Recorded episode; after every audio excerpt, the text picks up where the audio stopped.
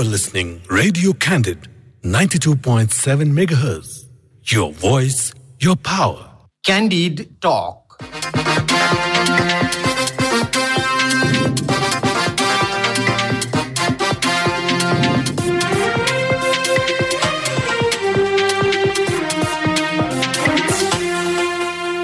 नमस्कार क्यान्डी टकमा तपाईँलाई स्वागत छ। म धीरज बस्नेत। रेडियो क्यान्डिडको प्रस्तुति कार्यक्रम क्यान्डी टक तपाईँले शनिबार बाहेक हरेक दिन बिहान साढे छ बजेबाट सात बजेसम्म आधा घन्टा सुन्दै आइरहनु भएको छ।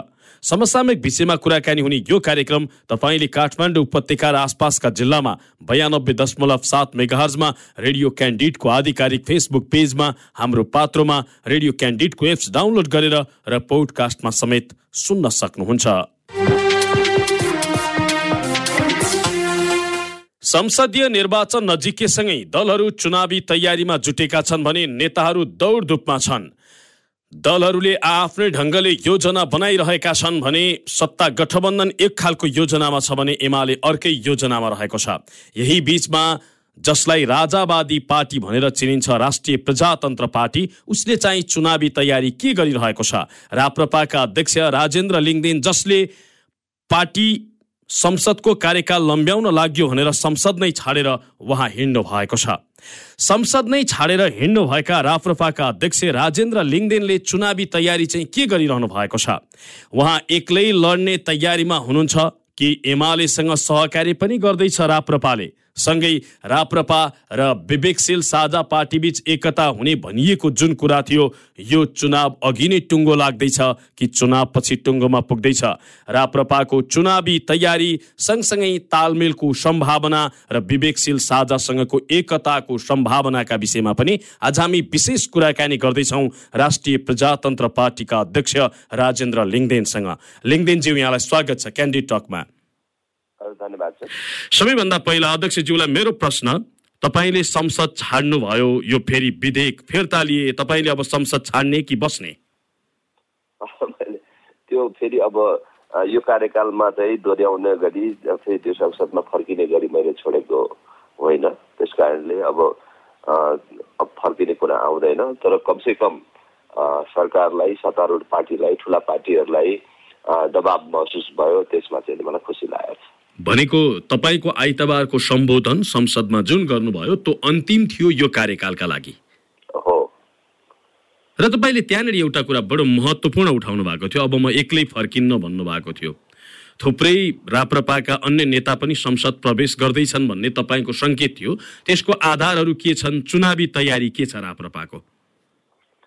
अवश्य पनि राष्ट्रिय प्रजातन्त्र पार्टी यो आउने प्रदेश तथा प्रतिनिधि सभाको निर्वाचनमा बलियो पार्टीको रूपमा स्थापित हुनेछ र आउने संसदमा एउटा शक्तिको साथ राष्ट्रिय प्रजातन्त्र पार्टीको उपस्थिति रहने नै छ। हामीले अहिले जुन प्रकारको गतिविधिहरू गरिरहेका छौँ जुन प्रकारको हामीले जनसमर्थन प्राप्त गरिरहेका छौँ त्यसले पनि स्पष्ट पार्छ। त्यसमाथि पनि आम नेपाली मतदाताका अगाडि तिन दशकदेखि नेपाली जनतालाई बन्धक बनाएर राख्ने केही सीमित राजनैतिक दल र तिनका पनि सीमित नेताहरूबाट त्यसलाई यो चक्रव्यूहबाट मुक्त गराउने जिम्मेवारी छ र अहिले नेपाली जनताले अहिलेको राजनीतिको नेतृत्व गरिराखेका ठुला हौँ भन्ने राजनीतिक दलहरूको विकल्प खोज्नु छ र त्यो विकल्प राप्रपा नै हो र जनताले विकल्पको रूपमा राप्रपालाई ग्रहण गर्नेछ त्यसैले राप्रपा आउने संसदीय निर्वाचनमा एउटा बलियो पार्टीको रूपमा सशक्त पार्टीको रूपमा संसदमा पुग्ने कुरामा हामी विश्वस्त छौँ र त्यही ढङ्गले हामी देशभर हाम्रा उम्मेद्वारहरू तय गर्ने सङ्गठन संरचनाहरूलाई मजबुत बनाउने जनताको बिचमा जाने कामहरू गरिरहेका छौँ। तर तपाईँको पार्टीमा फुटको असर पक्कै देखिएला। कमल थापाले पार्टी छाडिसकेपछि विगतकै चुनावी एजेन्डा भनेको राजतन्त्र हिन्दू राज्यको एजेन्डा बोकेर तपाईँ चुनावमा जाँदै हुनुहुन्छ। तपाईँलाई पुनः मतदान किन गर्ने जनताले? तपाईँ एउटा कुरा यो फुटको कुरालाई बेसी नउठाइदिए राम्रो हुन्छ भन्ने ठान्दछु र म अरू कसैको आलोचना पनि गर्न चाहन्न। राष्ट्रिय प्रजातन्त्र पार्टी मात्रै होइन अरू पार्टीहरूमा पनि व्यक्तिगत रूपमा मानिसहरू आउने जाने क्रम चलिराखेकै छ र यति क्रममा हाम्रो पार्टीबाट केही पुराना मानिसहरू प्रस्थान गर्नुभयो छुटिनुभयो त्यसलाई पार्टी विभाजनको रूपमा लिनुपर्ने म आवश्यक देख्दिनँ र त्यस प्रकारको व्याख्या नगरिदिन हुन म सञ्चारकर्मी साथीहरूलाई अनुरोध पनि गर्न चाहन्छु।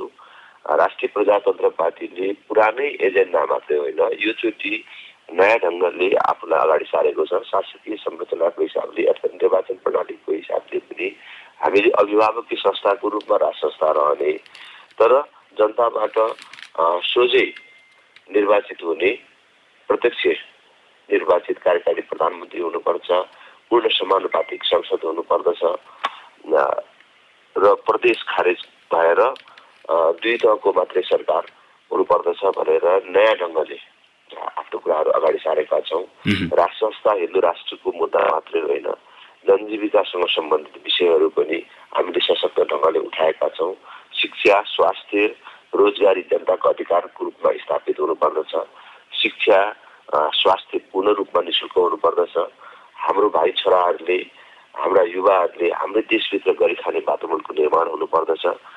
परिवार पाल्नको लागि मात्रै बाध्यकारी ढङ्गले श्रम बेच्न विदेश जानुपर्ने अवस्थाको अन्त्य हुनुपर्दछ। भनेर हामीले आफूलाई नयाँ ढङ्गले अगाडि सारेका छौँ। त्यस कारणले पुरानै एजेन्डा पुरानै कुरा मात्र होइन। राप्रपा अहिले नयाँ ढङ्गले नवीन राप्रपाको रूपमा आम जनताको बिचमा आइराखेको छ। तपाईँहरूले भ्रष्टाचार विरोधी जुन अभियान छेडिरहनु भएको छ वा तपाईँका जति पनि अभिव्यक्तिहरू आइरहेछन् त्यसलाई आम जनताले राम्रै मानेका छन्। तर मुख्य कुरा के भने वर्षौं सयौं वर्षसम्म आम जनतालाई दास जस्तो बनाएको राजतन्त्रको वकालत गरिराखेको राप्रपालाई मत किन दिने भनेर मान्छेले एकचोटि त सोध्छन् होला नि सोच्दैनन् होला र? अवश्य जनताले सोध्छन्। हिजो राष्ट्र संस्था जुन रूपमा थियो त्यो राष्ट्र संस्थाको अहिले हामीले परिकल्पना गरेका पनि छैनौँ। मैले अघि नै भने अब जनताबाट प्रत्यक्ष निर्वाचित कार्यकारी प्रधानमन्त्रीले अथवा जनताबाट निर्वाचित प्रतिनिधिहरूले देशको शासन व्यवस्था चलाउने राजा अभिभावकीय संस्थाको रूपमा रहने एकताको प्रतीकको रूपमा रहने भनेर भनेका छौँ।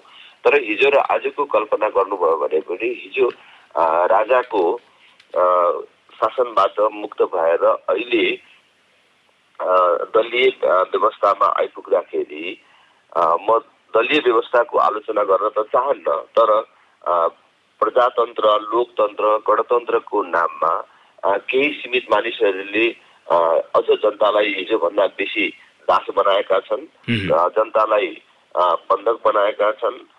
प्रजातन्त्र लोकतन्त्र गणतन्त्रको नाममा देशमा लुटतन्त्र मचिएको छ। आफू खुसी ऐन कानुनहरूको निर्माण गर्ने आफू सुरक्षित हुने आफू खुसी आफूलाई मन लागेका आफ्ना सेवकहरूलाई संवैधानिक अङ्गहरूमा नियुक्ति गर्ने र देशमा लुटतन्त्र मचाउने जुन काम भइराखेको छ त्यसलाई जनताले राम्रोसँग हेर्ने र बुझ्ने मौका पाएको छ यो तिन दशकमा। त्यस कारणले नेपाली जनताले योचोटि यस प्रकारको लुटतन्त्र प्रजातन्त्रको नाममा जनतालाई दास बनाउने जुन दलहरू छन् तिनीहरूको चाहिँ विकल्प जनताले खोज्छ भन्ने मलाई लाग्छ। तपाईँले हुन त कमल थापाको यहाँ नाम उच्चारण नगर्न पाए हुन्थ्यो भने चाहिँ गरिरहनु भएको छ तर मैले यसलाई फेरि पुनः दोहोऱ्याएँ। कमल थापा जसले राजालाई बोकेर हिँड्नु गलत थियो भन्ने तरिकाले उहाँले अभिव्यक्ति दिँदै हिँड्नु भएको छ। भनेको राजालाई मैले बोकेर गलत गरेछु भनिरहनु भएको छ। तर तपाईँहरू फेरि पनि राजतन्त्र चाहिन्छ भनेर राजालाई बोक्न खोजिरहनु भएको छ। तपाईँहरू पनि भोलि पछुताउने दिन नआउला भन्न सकिने स्थिति रह्यो र उहाँ पनि कुनै बिन्दुमा यसै गरी भन्नुहुन्थ्यो। कसैले कुनै कालखण्डमा राज आफ्नो स्वार्थको रोटी सेक्ने अस्त्रको रूपमा प्रयोग गरे र राज संस्था राज राजाको नाममा आफ्नो स्वार्थको रोटी रोटी सेकेर खायो होलान् र पछिल्लो दिनमा अब राजाको नाममा स्वार्थको रोटी सेकिन्न भन्ने लाग्यो होला छोडे होलान् त्यसको बारेमा म टिप्पणी गर्न चाहन्न तपाईँ तर कुनै एउटा व्यक्तिले अब चाहिँ राज संस्थाको आवश्यकता रहेनछ भनेर छोड्यो भन्ने कुरालाई जति जोड दिनुहुन्छ हिजो राज संस्थाको विरुद्ध हतियारै उठाएका आज दर्जनौँ नेताहरू र चाहिँ लाखौँ जनता चाहिँ त्यो गल्ती भएछ। नेपालमा कुनै न कुनै प्रकारको राष्ट्र संस्था आवश्यक रहेछ। राष्ट्र संस्थाको अनुपस्थितिमा देश प्रकारमा देशमा जुन प्रकारको लुटतन्त्र बढेको छ र खास गरी वैदेशिक हस्तक्षेप बढेको छ र नेपालको मान सम्मान अन्तर्राष्ट्रिय राजनीतिमा अन्तर्राष्ट्रिय क्षेत्रमा जुन घटेर गएको छ त्यो चाहिँ गल्ती भएछ। राष्ट्र संस्थाको विरोध गर्नु भनेर भनेको कुरा चाहिँ तपाईँ हाइलाइट गर्नुहुन्न त्यस त्यसतर्फ तपाईँलाई चाहिँ कुनै जानकारी छैन। त्यो कुरा चाहिँ जनतालाई सुनाउनुहुन्न। त्यो त्यस कारणले यो विषय अरू कसैले छोड्यो समायो भन्ने भन्दा पनि राष्ट्रिय प्रजातन्त्र पार्टीको दृष्टिकोणमा नेपालको सन्दर्भमा नेपाल जस्तो देशको लागि फेरि पनि स्पष्ट पार्न चाहन्छु। अभिभावकीय संस्थाको रूपमा राष्ट्र संस्थाको आवश्यकता छ। अब प्रत्यक्ष शासन गर्ने राष्ट्र संस्था होइन अभिभावकको रूपमा बस्ने राष्ट्र संस्था आवश्यक छ भन्ने हाम्रो दृष्टिकोण हो। त्यसमा हामी दृढ छौँ र निरन्तर रूपमा रहन्छौँ। अब अलिकति चुनावी चर्चा गरौँ। यहाँहरूले चुनाव एक्लै लड्ने तयारी गरिरहनु भएको थियो। फेरि अहिले एमालेसँग सहकार्यको कुरा पनि चलिराखेको छ। एमालेसँग यहाँहरूले सहकार्य गर्ने कुरा करिब करिब अन्तिम चरणमा पुगेको हो। कि त्यो अझै छलफलकै चरणमा छ फेरि पनि म स्पष्ट पार्न चाहन्छु राष्ट्रिय प्रजातन्त्र पार्टी आधारभूत रूपमा एक्लै चुनाव लड्ने तयारी गरिराखेको थियो र छ। तर अरू राजनैतिक दलहरूको गठबन्धन बनेर आइराखेको सन्दर्भमा हाम्रो बिचमा पनि सहकार्य गरेर जानुपर्छ अथवा जिल्ला तहमा समझदारी गरेर तालमेल गरेर जानुपर्छ भन्ने कुराहरू पनि आइराखेको छ र त्यो विषयमा नेकपा एमालेसँग खास गरी अब अरू दलहरूसँग पनि छिटपुट रूपमा कुराकानीहरू त भइराखेको छ खास गरी नेकपा एमालेसँग कुराहरू भइराखेको छ तर कुनै त्यस्तो ठोस आकार लिइसकेको निर्णयमा पुगिसकेको अवस्था छैन।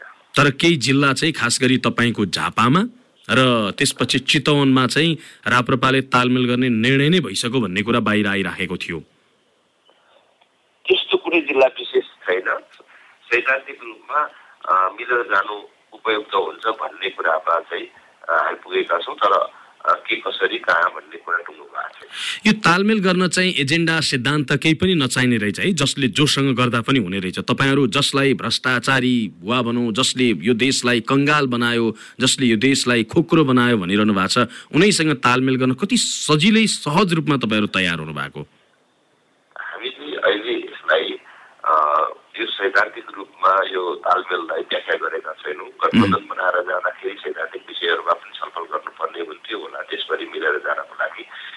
तर हामीले त्यो बाटो लिएनौँ। मैले तपाईँलाई जानकारी गराउन चाहन्छु कि तपाईँको लोकप्रिय रेडियो मार्फत हाम्रा आम शुभेच्छुकहरूलाई पनि जानकारी गराउन चाहन्छु कि नेपाली राजनीतिमा राष्ट्रिय प्रजातन्त्र पार्टीले लिएको सैद्धान्तिक अवधारणासँग मेल खाने अरू कुनै राजनीतिक दलहरू छैनन्। त्यस कारणले गठबन्धन गरेर जानु को लागि उपयुक्त हुन्न त्यसैले सिटको तालमेल गरेर जाने चुनाव भन्ने बित्तिकै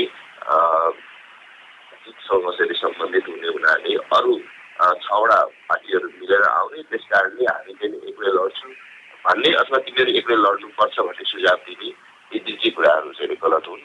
त्यस कारणले हामीले अहिले केही सिटहरूमा अवश्य तालमेल गरेर जान्छौँ र त्यसमाथि पनि अहिले नेपालको यस्ता महत्त्वपूर्ण मुद्दाहरू छन् हामीले लिएका सैद्धान्तिक बाटो सैद्धान्तिक अवधारणादेखि बाहेक पनि नेपालको निर्णायकत्व बिस्तारै चाहिँ घुम्दै गएको छ र त्यसको प्रधानमन्त्री भइसकेका मानिसहरूले पनि देशको तालाचाबी त हाम्रो हातमा रहेनछ अरूकै हातमा रहेछ भनेर भनेको तपाईँहरूले सुन्नुभएको होला र अहिले व्यवहारमा पनि के देखिन थालेको छ भने नेपालको प्रधानमन्त्री को हुनुपर्छ मन्त्री को हुनुपर्छ आउने चुनावमा कसले जित्नुपर्छ र को को दलहरूका बिचमा गठबन्धन हुनुपर्छ जस्ता चासोहरू समेत विदेशीहरूले राख्न थालेको अवस्थामा नेपालको निर्णायकत्व नेपालीको हातमै रहनु पर्दछ नेपालको प्रधानमन्त्री को हुने भन्ने कुरा र कुन पार्टीले जित्ने भन्ने कुराको टुङ्गो नेपाली जनताले नै गर्नुपर्दछ भन्ने कुरालाई पनि हामीले ध्यानमा राख्नुपर्ने छ र यसलाई असाध्यै महत्त्वपूर्ण र गम्भीरतापूर्वक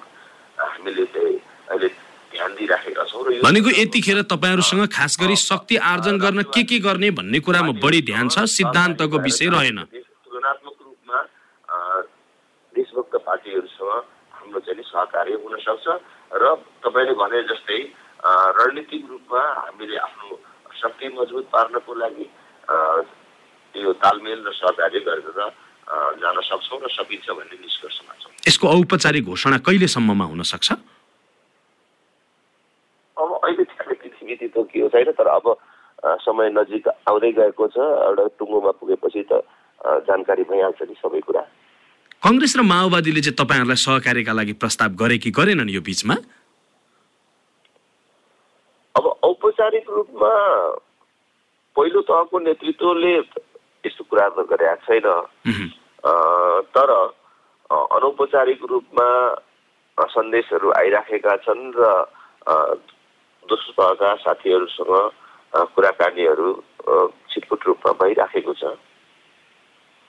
भनेको त्यसलाई औपचारिक रूपमा चाहिँ कहीँ कतैबाट प्रस्ताव तपाईँहरूलाई आएको छैन।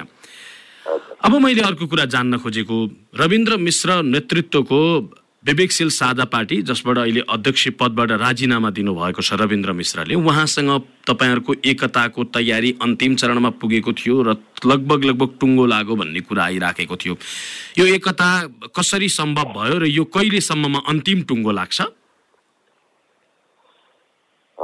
बाहिर प्रचारमा आए जस्तो त्यस्तो अन्तिममै पुग्यो र त्यस प्रकारको वार्ता भयो भन्ने सत्य होइन। अ, बिच बिचमा कुराकानीहरू स्वाभाविक रूपले भइराखेको छ र वैचारिक रूपमा रविन्द्रजी जसरी सार्वजनिक रूपमा बोलिराख्नु भएको छ त्यसले हामी नजिकै देखिन्छ।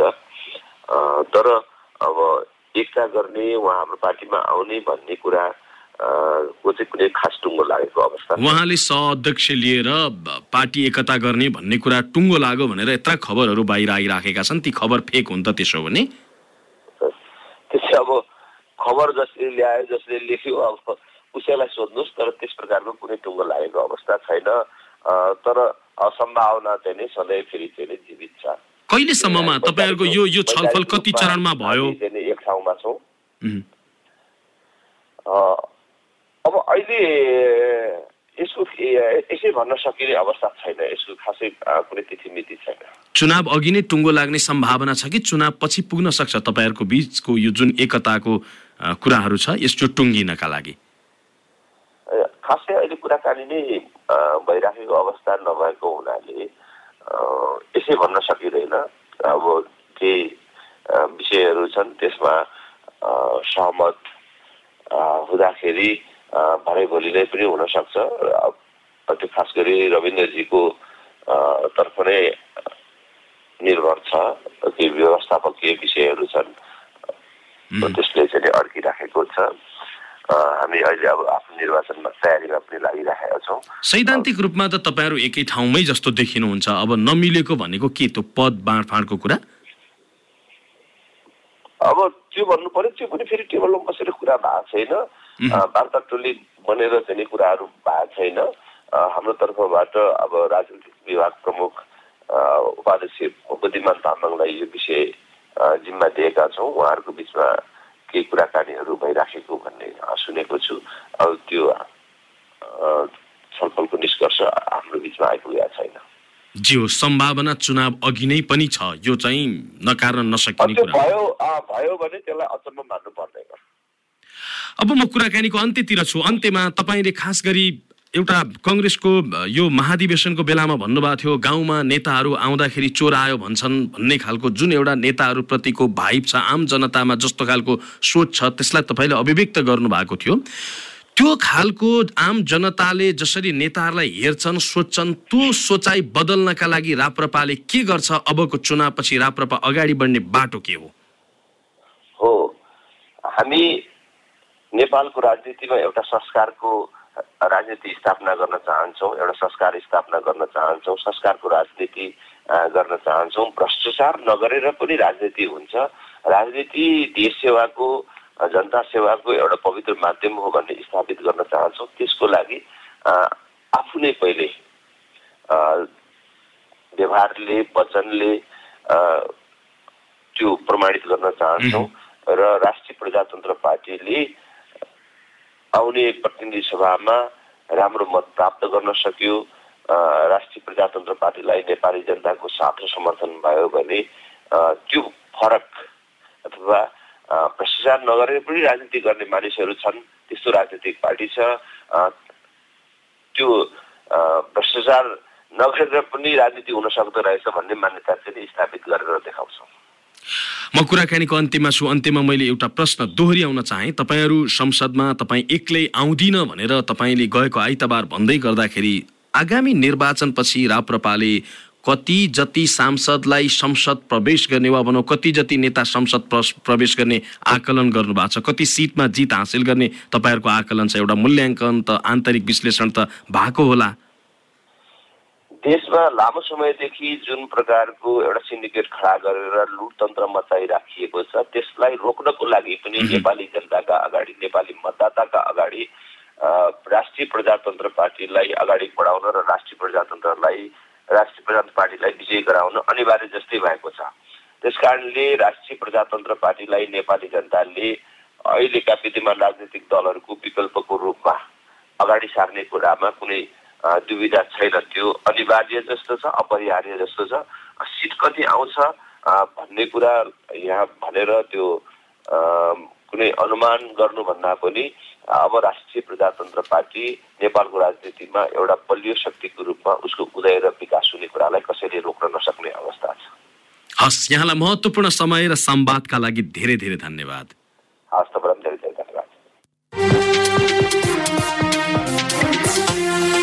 आजको कार्यक्रममा राष्ट्रिय प्रजातन्त्र पार्टी राप्रपाका अध्यक्ष राजेन्द्र लिङदिनसँग कुराकानी गर्यौं विवेकशील साझा पार्टीसँगको एकताको कुरा एमालेसँग चुनावी तालमेलको कुरा र संसद पुनः नफर्किने राजेन्द्र लिङदिनको घोषणासँग सम्बन्धित रहेर आजको कुराकानी केन्द्रित गरियो।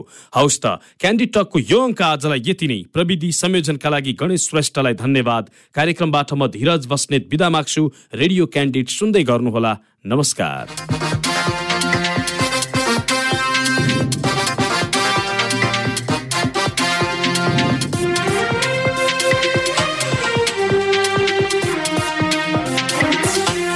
Candid Talk.